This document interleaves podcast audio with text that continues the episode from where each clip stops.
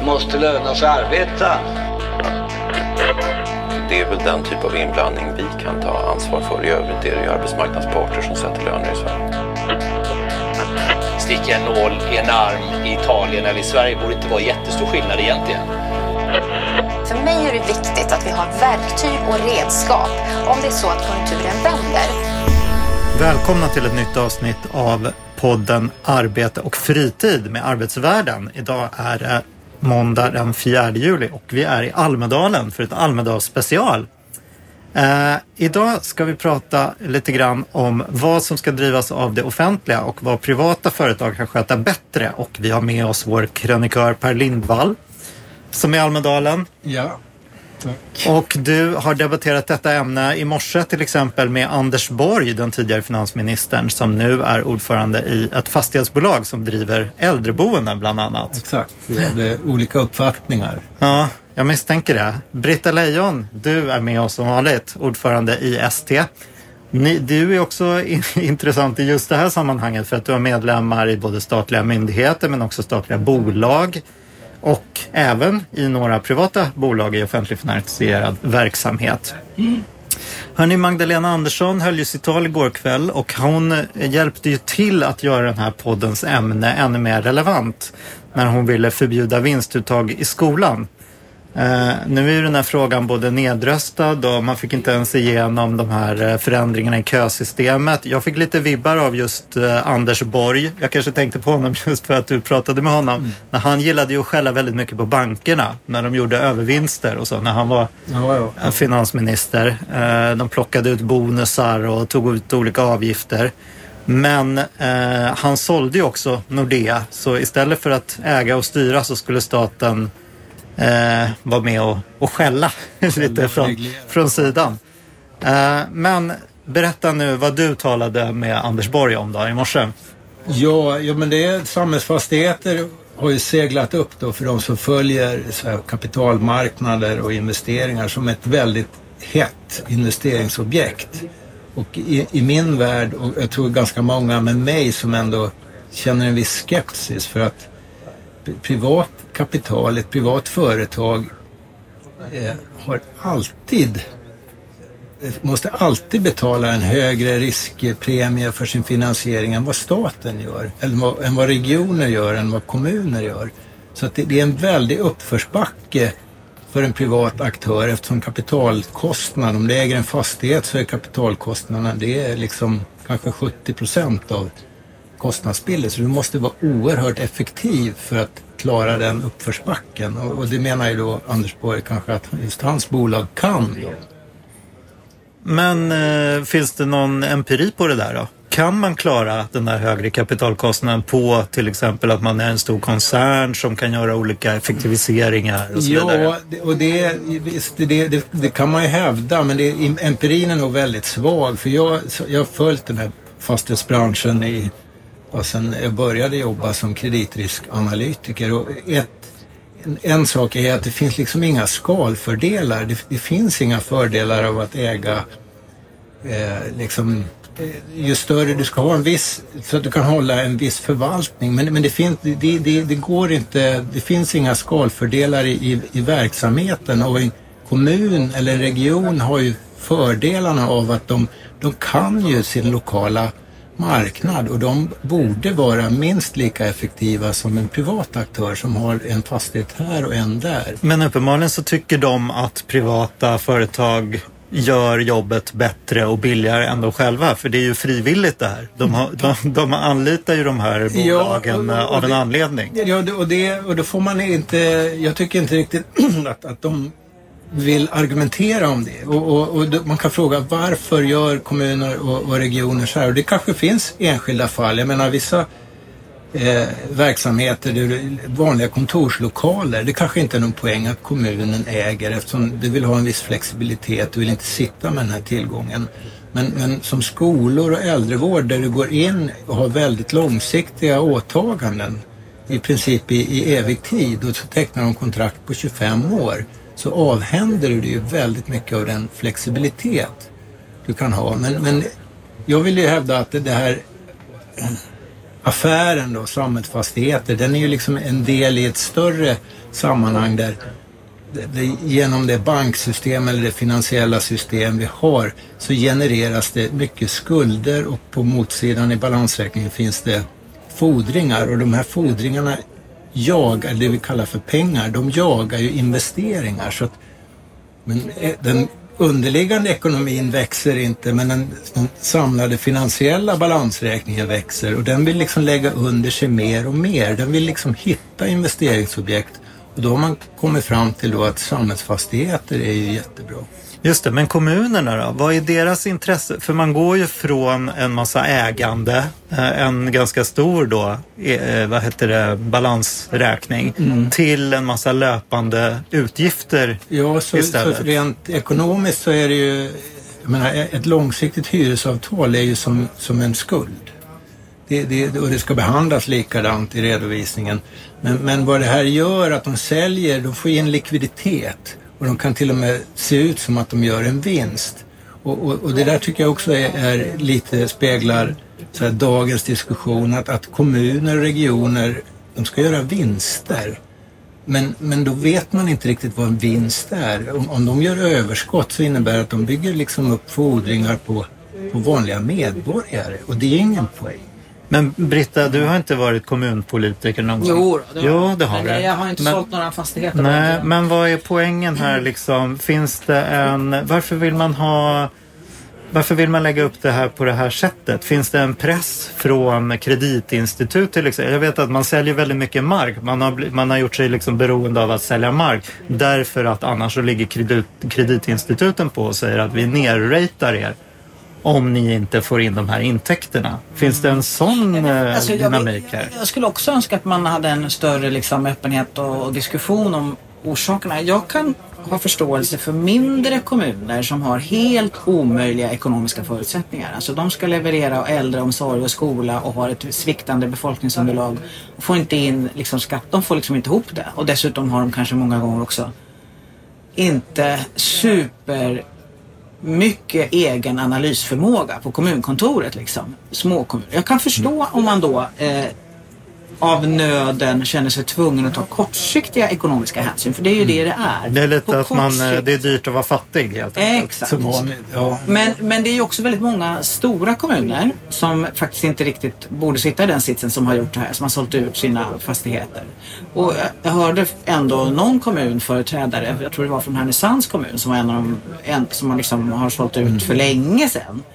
Eh, och som nu ångrar det. Eh, och där de säger att vi vet ju inte längre vem som eh, som kommer att äga de fastigheter där vi bedriver vår kommunala verksamhet. Och vi känner, vi känner också att vi har betalat väldigt mycket hyror under de här åren och vi tycker inte att vi, vi är inte nöjda med det underhåll och den, liksom, hur man tar om hand fastigheterna där vi bedriver vår jätteviktiga verksamhet. Så att, jag kan ha förståelse för små fattiga kommuner eh, men i längden är det ju hål i huvudet. I längden är det ju faktiskt att man gör inte skattebetalarna en tjänst. Men när Stockholm säljer Gubbängens gamla gymnasium till Internationella Engelska Skolan är det bara ideologi då eller finns det inget underliggande ekonomiskt eh, motiv här? Jag har svårt att se det. Det är ett sätt att få fram likviditet att sälja men, men, men sagt, och, och sen är det ju så att när de, när de då, där är det ju inte kommunens skolor då, men kommunen har ju det finansiella ansvaret även för friskolorna. Så att det, det blir ju ändå, eh, nu visst det är en annan juridisk person som sitter på kontraktet, men, men ändå så blir det ju ett sätt för kommunerna att avhända sig liksom, de framtida möjligheterna för, för, sin, för att bedriva sin skolverksamhet. Och, och och I viss mån så tror jag att det finns liksom en ideologisk eh, klyfta här. Att många ser det här och att man, man det är liksom den här bilden av att så fort, så fort det är privat så är det någon slags närande verksamhet. Och, men om det, om det då är offentligt så är den en tärande. Fast det här, för att ta ett exempel från min tid som kommunpolitiker på att det faktiskt också kan vara just ideologiska aspekter som ligger bakom utförsäljningar. Berätta Britta, var var du kommunpolitiker? Eh, I Sollentuna kommun mm. eh, var jag kommunpolitiker och satt i barn och ungdomsnämnden eh, och sådär. Men, och vi hade, eh, och satt i opposition och majoriteten bestämde sig för att sälja ut typ den sista marken som, som kommunen ägde till till eh, golfklubben som hade hyrt på långtidskontrakt och nu istället för att fortsätta och ha nya långtidskontrakt och fortsätta äga marken så bestämde sig kommun, kommunen att sälja till, i vårt tycke i oppositionen då, nu är det här i min version då, men till ett jätteunderpris. Uh, och det var vi väldigt kritiska mot och försökte driva juridiskt och lyckades inte visa att de hade gjort det liksom rundat reglerna och sådär. Men, men där fanns det definitivt eh, liksom ideologiska övertygelser för det var inte någonting som kommunen tjänade en massa pengar på. Eh, 10 miljoner sålde man hela det markområdet som Sollentuna Golfklubb. och man, ja, jag kan, eh, lång historia, eh, ska inte trötta ut eh, lyssnarna med den. Men, men, men det, jag tror att det fanns någon sorts övertygelse att det är viktigt att att golfklubben finns kvar i kommunen, den är viktig för, för liksom kommunen. Eh, och de vill, golfklubben vill känna sig trygg i att de kan ha tillgång till det här. Men hallå, det har de gjort med väldigt långa kontrakt också. Det, har liksom så, ja, ja, det är snarare så att om golfklubben köper det så, så vet inte kommunen vad som kommer att hända i nästa steg. Om intresset för golf toppar och peak, eller ja. går ner, då, då, vad händer då? Ja. Så när jag försökte ta mitt gröna kort på den golfklubben eh, så var jag jag fick ju naturligtvis försöka hålla på men jag hörde ju kommentarerna från människorna runt omkring mig. Jag var inte en av de populäraste golfspelarna där, det kan jag säga. Låt oss gå vidare och prata om det här med eh, just fastigheter och eh, tillgångar. Alltså den större frågan är väl vad ska det offentliga driva och vad ska drivas privat? Eh, vi har ju ett exempel nu som dök upp i Ulf Kristerssons tal med Swedavia och köerna på Arlanda som har varit i debatten mycket. Och han sa där, kan någon enda människa svara på frågan vem är ansvarig och vem tar ansvaret? Och jag tänkte just att det spelar in i det här. Var det Swedavia som hade gjort fel eller var det bolaget som de hade upphandlat de här Eh, passköerna av, eller eh, inte pass, nu är jag inne på passköerna. Mm, det, det, var, det, var, det finns många köer. Eh, det var kanske polisens fel, men, men som de hade upphandlat de här säkerhetsköerna av. Hur, hur ska man tänka kring den men att, att man organiserade om vissa myndigheter blev bolag och, mm. och det är ganska tydligt att det, det, är väldigt få av de här statligt ägda bolagen som har tydliga samhällsuppdrag. Mm. Utan de har i princip ett mål och det är att tjäna pengar för att det, det, det menar man då ska liksom ge rätt incitament.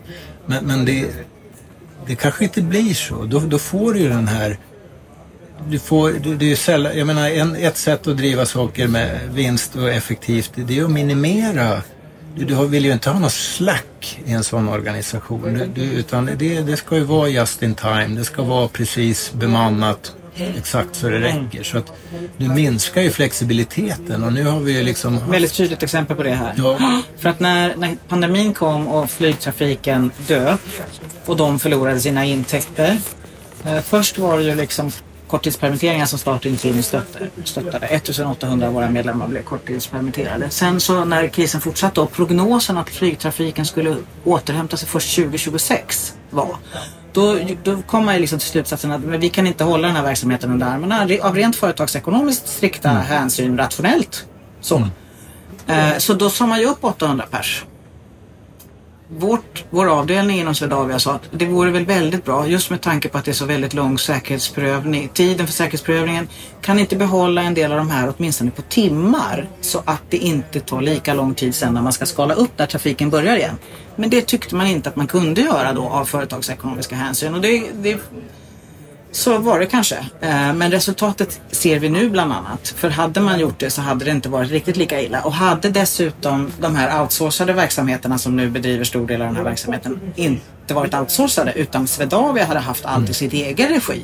Då hade man ju kunnat mycket snabbare dra slutsatser av köerna som var i förra julen etc. Och styra helt enkelt flödena och planera mycket bättre. Man borde statliga bolag alltså ha eh, uppdrag förutom lönsamhet? Är det det ni säger? Det brukar ju du vara inne på Per. Ja, jag tycker att du det... brukar prata om Vattenfall jag brukar och prata SBAB om... kanske är ett annat sånt ja, exempel. Kanske, det där, det, men eh, jag tycker att det är poängen med att äga att samhället, att, eller att vi äger det gemensamt. Det är att vi vill få ut något annat än bara vinsten. Jag, jag tycker SJ är ett sånt paradexempel som ska då liksom, som ett tag var det lönsammaste bolaget för övrigt i, i den statliga portföljen. Men de ska ju se till det samhälls, samhällsnyttan. Liksom. Att, att jag pendlar ju mellan Dalarna och Stockholm och betalar, idag kostar 400 kronor för en enkel biljett. Det är vad det kostar för mig att köra bil. Och, och då tycker jag att prissättningen är helt sjuk. Det ska finnas incitament att folk ska ta tåget. Och, och så här, lokal lokaltrafik, SL är ju subventionerat till 70 procent. Varför kan vi inte ha samma sak med, med, med det lång med tågtrafiken. Jag tycker det. Men ska man ens ha bolag då? Ett bolags uppdrag är väl att göra vinst? Ja, det blir ju så. Aktiebolagslagen är skriven så att du har ett uppdrag och det är att tjäna aktieägarna. Och eh, då, det är frågan, är det den bästa organisationsformen? Det, och det, det, kan, det, det kan det väl vara att man kan liksom är det budgetstyrt så har du liksom, tjänar du in, du kan inte ha några buffertar utan du får ligga och äska. Så det, det är möjligt att bolagsformen är är bra på, på sina sätt. Men, men det, det, går ju, det finns ju ändå verksamheter som, som klarar både och. Men liksom Vattenfall, det, antingen ska du ha konkurrens, då kanske du ska slå sönder Vattenfall så att det ska vara några som driver vattenkraft, några äger kärnkraften. Så därför att om du vill skapa konkurrens, men ta, om du tar elmarknaden i Sverige så är det två bolag idag. Det är Vattenfall och det är finska Fortum som köpte upp tyska E.ON. Det är de två. De kontrollerar kanske 95 procent, 90-95 procent av all planerbar el och båda har bara ett mål, att maximera sin vinst. Och de kan ju styra produktionen så att priset hamnar där. Och, och den diskussionen ser vi ju inte någonting av idag. Men deras möjligheter finns ju definitivt att, att manipulera marknaden. Det är inte så en marknad ska funka. Och, och liksom att eh, Vattenfall stängde Ringhals och att E.ON som var huvudägare i Oskarshamn, att de stängde sina kraftverk. Ja men det var ju just för att de kunde känna igen mer på resten av sina tillgångar än vad de gjorde då på de här fyra kärnkraftverken. Så om du, om du ska ha en marknadslösning, då måste du också se till att det blir fungerande marknader. Har du inte det, då får du titta på ett mm. annat sätt. Mm. Britta, vad säger era medlemmar om det här med statliga bolag då?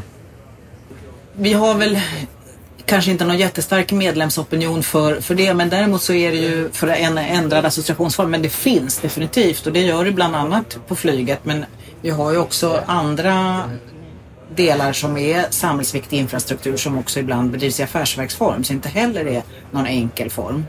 Uh, så att jag skulle vilja säga att men det behöver kanske inte vara en ny, det kanske inte behöver vara en ny form då, men att bola, statliga bolag ändå skulle drivas med någon sorts eh, ägarintresse ja, utan, en, förutom vinsten. Det finns en otrolig eh, trötthet i väldigt många av våra medlemsled över att förutsättningarna för verksamheten är så pass dåliga som de är. Att det inte finns riktigt resurser för att göra ett bra jobb och att det finns extremt långa köer i flera mm verksamheter eh, som de är inblandade i.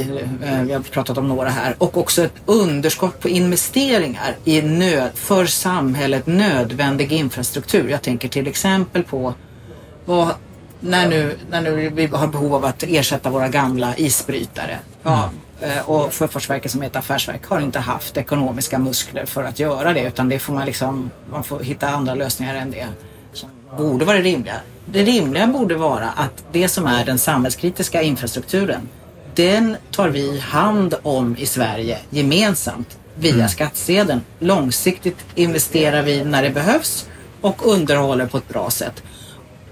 Så att det liksom och, och, riktigt så ser inte verkligheten ut nu. Vi har, jag, jag, vi har liksom ett uppsplittrat ansvar. Det är svårt att styra Eh, för politikerna. Svårt att skala upp nu när vi har behov av att öka beredskapen på en massa områden och svårt att skala upp och göra rätt investeringar när vi har behov som klimatomställningen nu ställer på sin spets. Eh, och jag tror att vi, eh, möjligheterna för politikerna att styra och ställa om samhället i den tid vi lever i nu behöver öka. När är vinstintresset i offentligfinansierad verksamhet effektivt då? Var går gränsen så att säga? Jag tror den, den är jättesvår. Jag brukar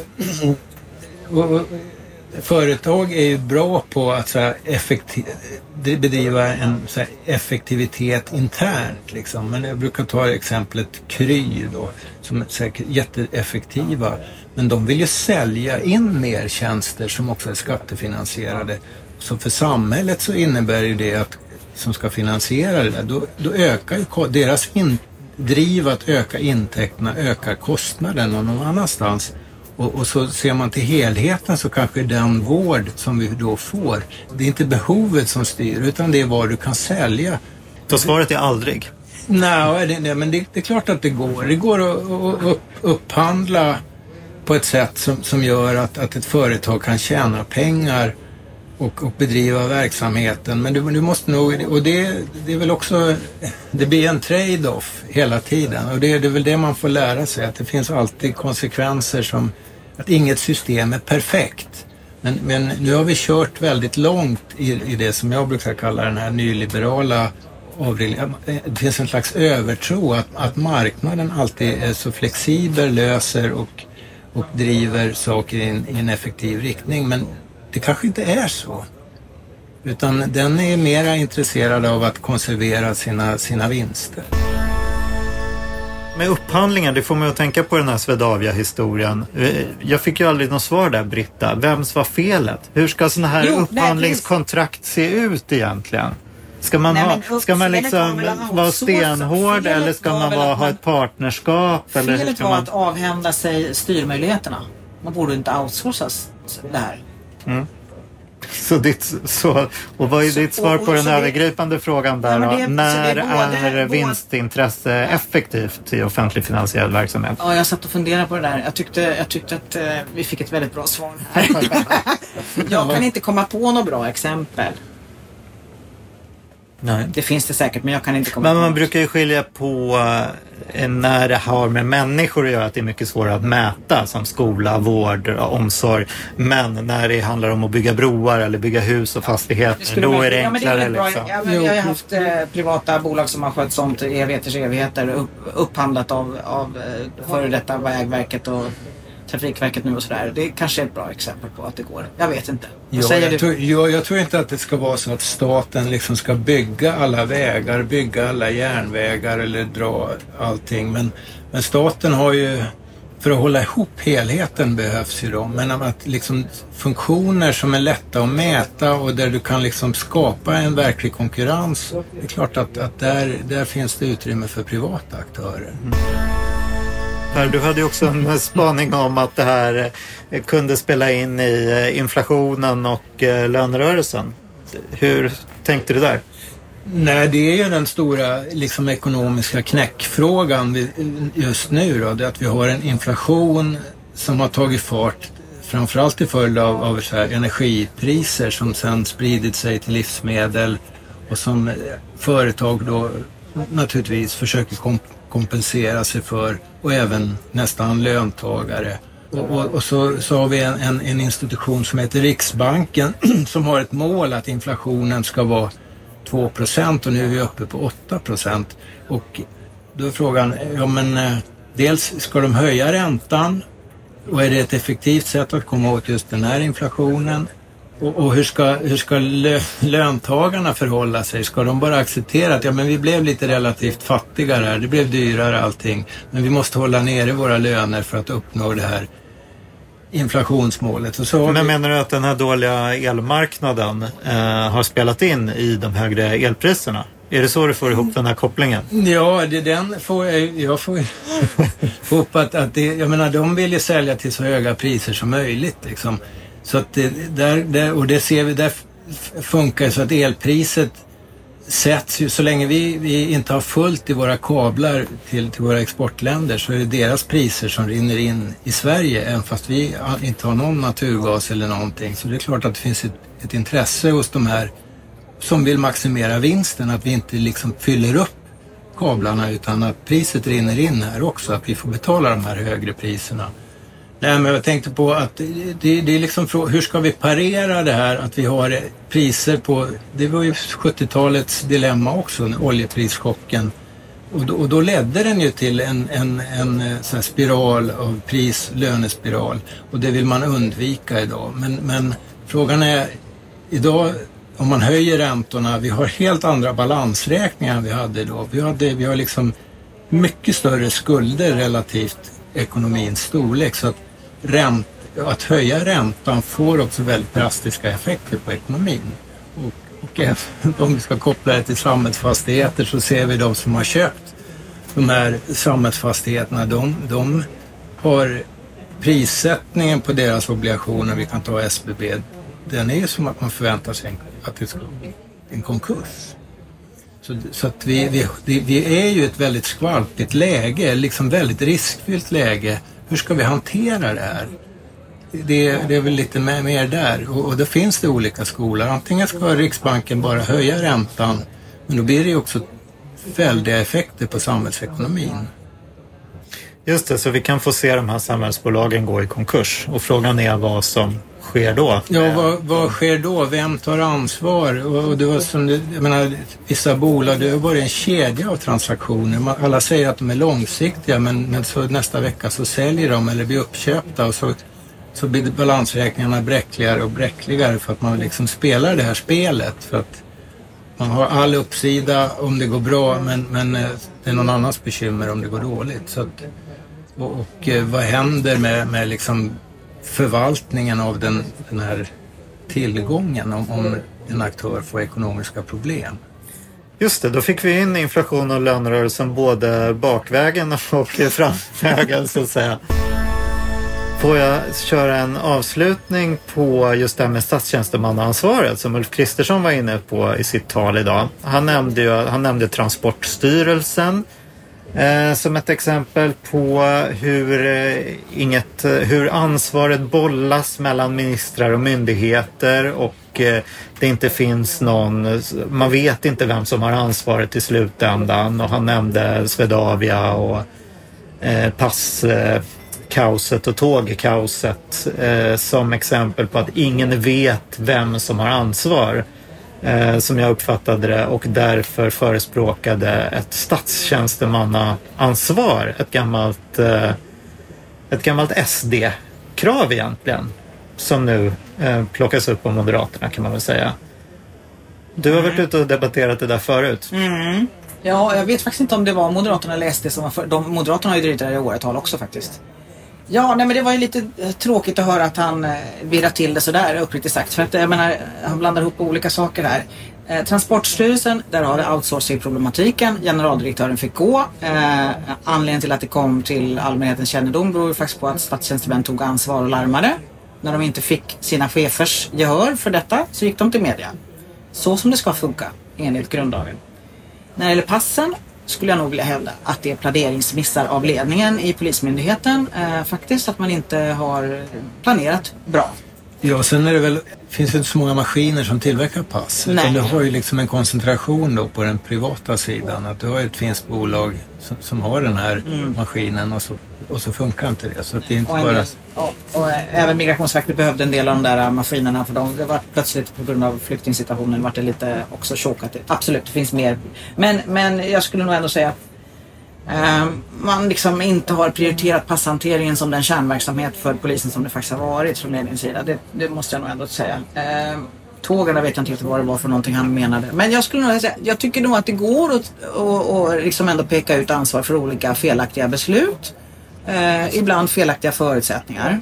Och dessutom så skulle jag nog vilja säga att det största felet i eh, Kristerssons resonemang är att statstjänstemän som gör fel straffas idag. Alltså hela bilden som, som de ger uttryck för här är ju att det liksom inte får några effekter. Statstjänstemän har får stå till svars för sina eh, felaktiga beslut. Vi har både personalansvarsnämnder och ibland så blir, det, blir man av med jobbet Eh, som GDn på Transportstyrelsen till exempel fick erfara. Fel eller rätt, men så blev det i alla fall. Eh, och den här gamla tiden som man på något sätt drömmer sig tillbaka till när man ger uttryck för det här, att återinföra något gammalt sorts annat ansvar som fanns förut. Ja, då är min fråga, tänker man också återinföra resten som fanns på den tiden? På den tiden hade vi inte individuell lönesättning och hade faktiskt livsvariga anställningar för stora delar av statstjänstemannakåren. Alltså att rycka ut en liten pusselbit från någonting som fanns för flera decennier sedan och tro att man kan placera in det i dagens statliga verksamhet och att det skulle vara svaret och lösningen på de här problemen och skandalerna som... Alltså jag förstår inte hur hon tänker. Och jag tänker så här. Det är ganska många statligt anställda som röstar på Moderaterna. Jag undrar vad de tänker. Men du har lite två argumentationslinjer, har du inte det? Den ena är att eh, man kommer inte åt några problem och det blir inte mer transparent och det funkar ganska bra idag. Det funkar bra idag och jag har överhuvudtaget inte ens nämnt att den tredje argumentationslinjen då. Ja, det men skulle den- andra- konsekvenser av ett sånt här, ett sånt här Ja, men den andra var att det var lite synd om statstjänstemännen därför att de har inte så bra villkor och då skulle det här bli... eh, Jag skulle att de liksom stora problemen för statstjänstemän idag är att man har för mycket att göra, för lite resurser och att man faktiskt också är utsatt för en hel del eh, hot och trakasserier från organiserad brottslighet. Det tycker jag att Moderaterna borde ägna sig mer åt att försöka hejda istället för att straffa statstjänstemän som gör eh, ett bra jobb med dåliga förutsättningar. Men om vi nu eh, får en en statsminister eh, om några månader som heter Ulf Kristersson och de faktiskt mot den senaste utredningens förslag ändå går fram med ett sånt här förslag. Då får ju det konsekvenser. Det får ju konsekvenser av att vi får en större ineffektivitet i statsförvaltningen för då blir ju tjänstemännen än mer måna om Skotträdd. Ja, men man, absolut, skotträdda sa du, men jag skulle säga att man blir än mer mån om att man ska inte göra fel. Det blir mer ineffektivitet och blir mer eh, rädda eh, statstjänstemän, det skulle jag nog säga. All right, inget bra förslag tycker du alltså? Nej, fotar man med det? Jag kan ju tycka Bra. att passhanteringen, om man bara får flika in det, där känns det ju som att någon grov miss har gjort. För det borde ju kunna förutsett att det var en massa pass som inte hade förnyats. Och, och där, det tycker jag, där har det flutit omkring. Jag, jag kan inte riktigt se vem som har tagit ansvar och vem som har varit ansvarig. Så att det, det, är liksom, det är ju transparensen, återigen. Liksom. Det är, som journalist vill man ju liksom se, ja men det, jag vet inte ens vem som jag ska ringa till om jag vill bevaka det här. Jag tycker man ska ringa till rikspolischefen och fråga varför de inte har planerat bättre. Ja, Det är där ansvaret finns. jo. Bra, det blir ett samtal från Per till rikspolischefen efter den här podden. det- Jag fick mitt pass. Ja, då så. Du är inte lika upprörd längre på ett privat plan.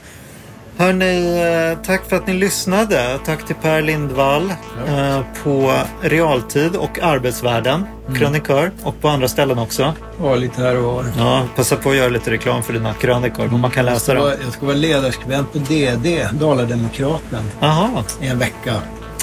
Sommarvik. Jag gör en grej där. Ja, härligt. Jag klipper mig. Och Britta Lejon, ST, tack som alltid. Och eh, Mikael Fältbom heter jag och är chefredaktör på Arbetsvärlden. Och vi säger väl, eh, önskar alla en lång och härlig sommar. För vi är tillbaka sen i eh, höst någon gång. Ospecificerat. Men håll utkik. Ha det bra hörni. Hej hej. Hej då. Hej, hej.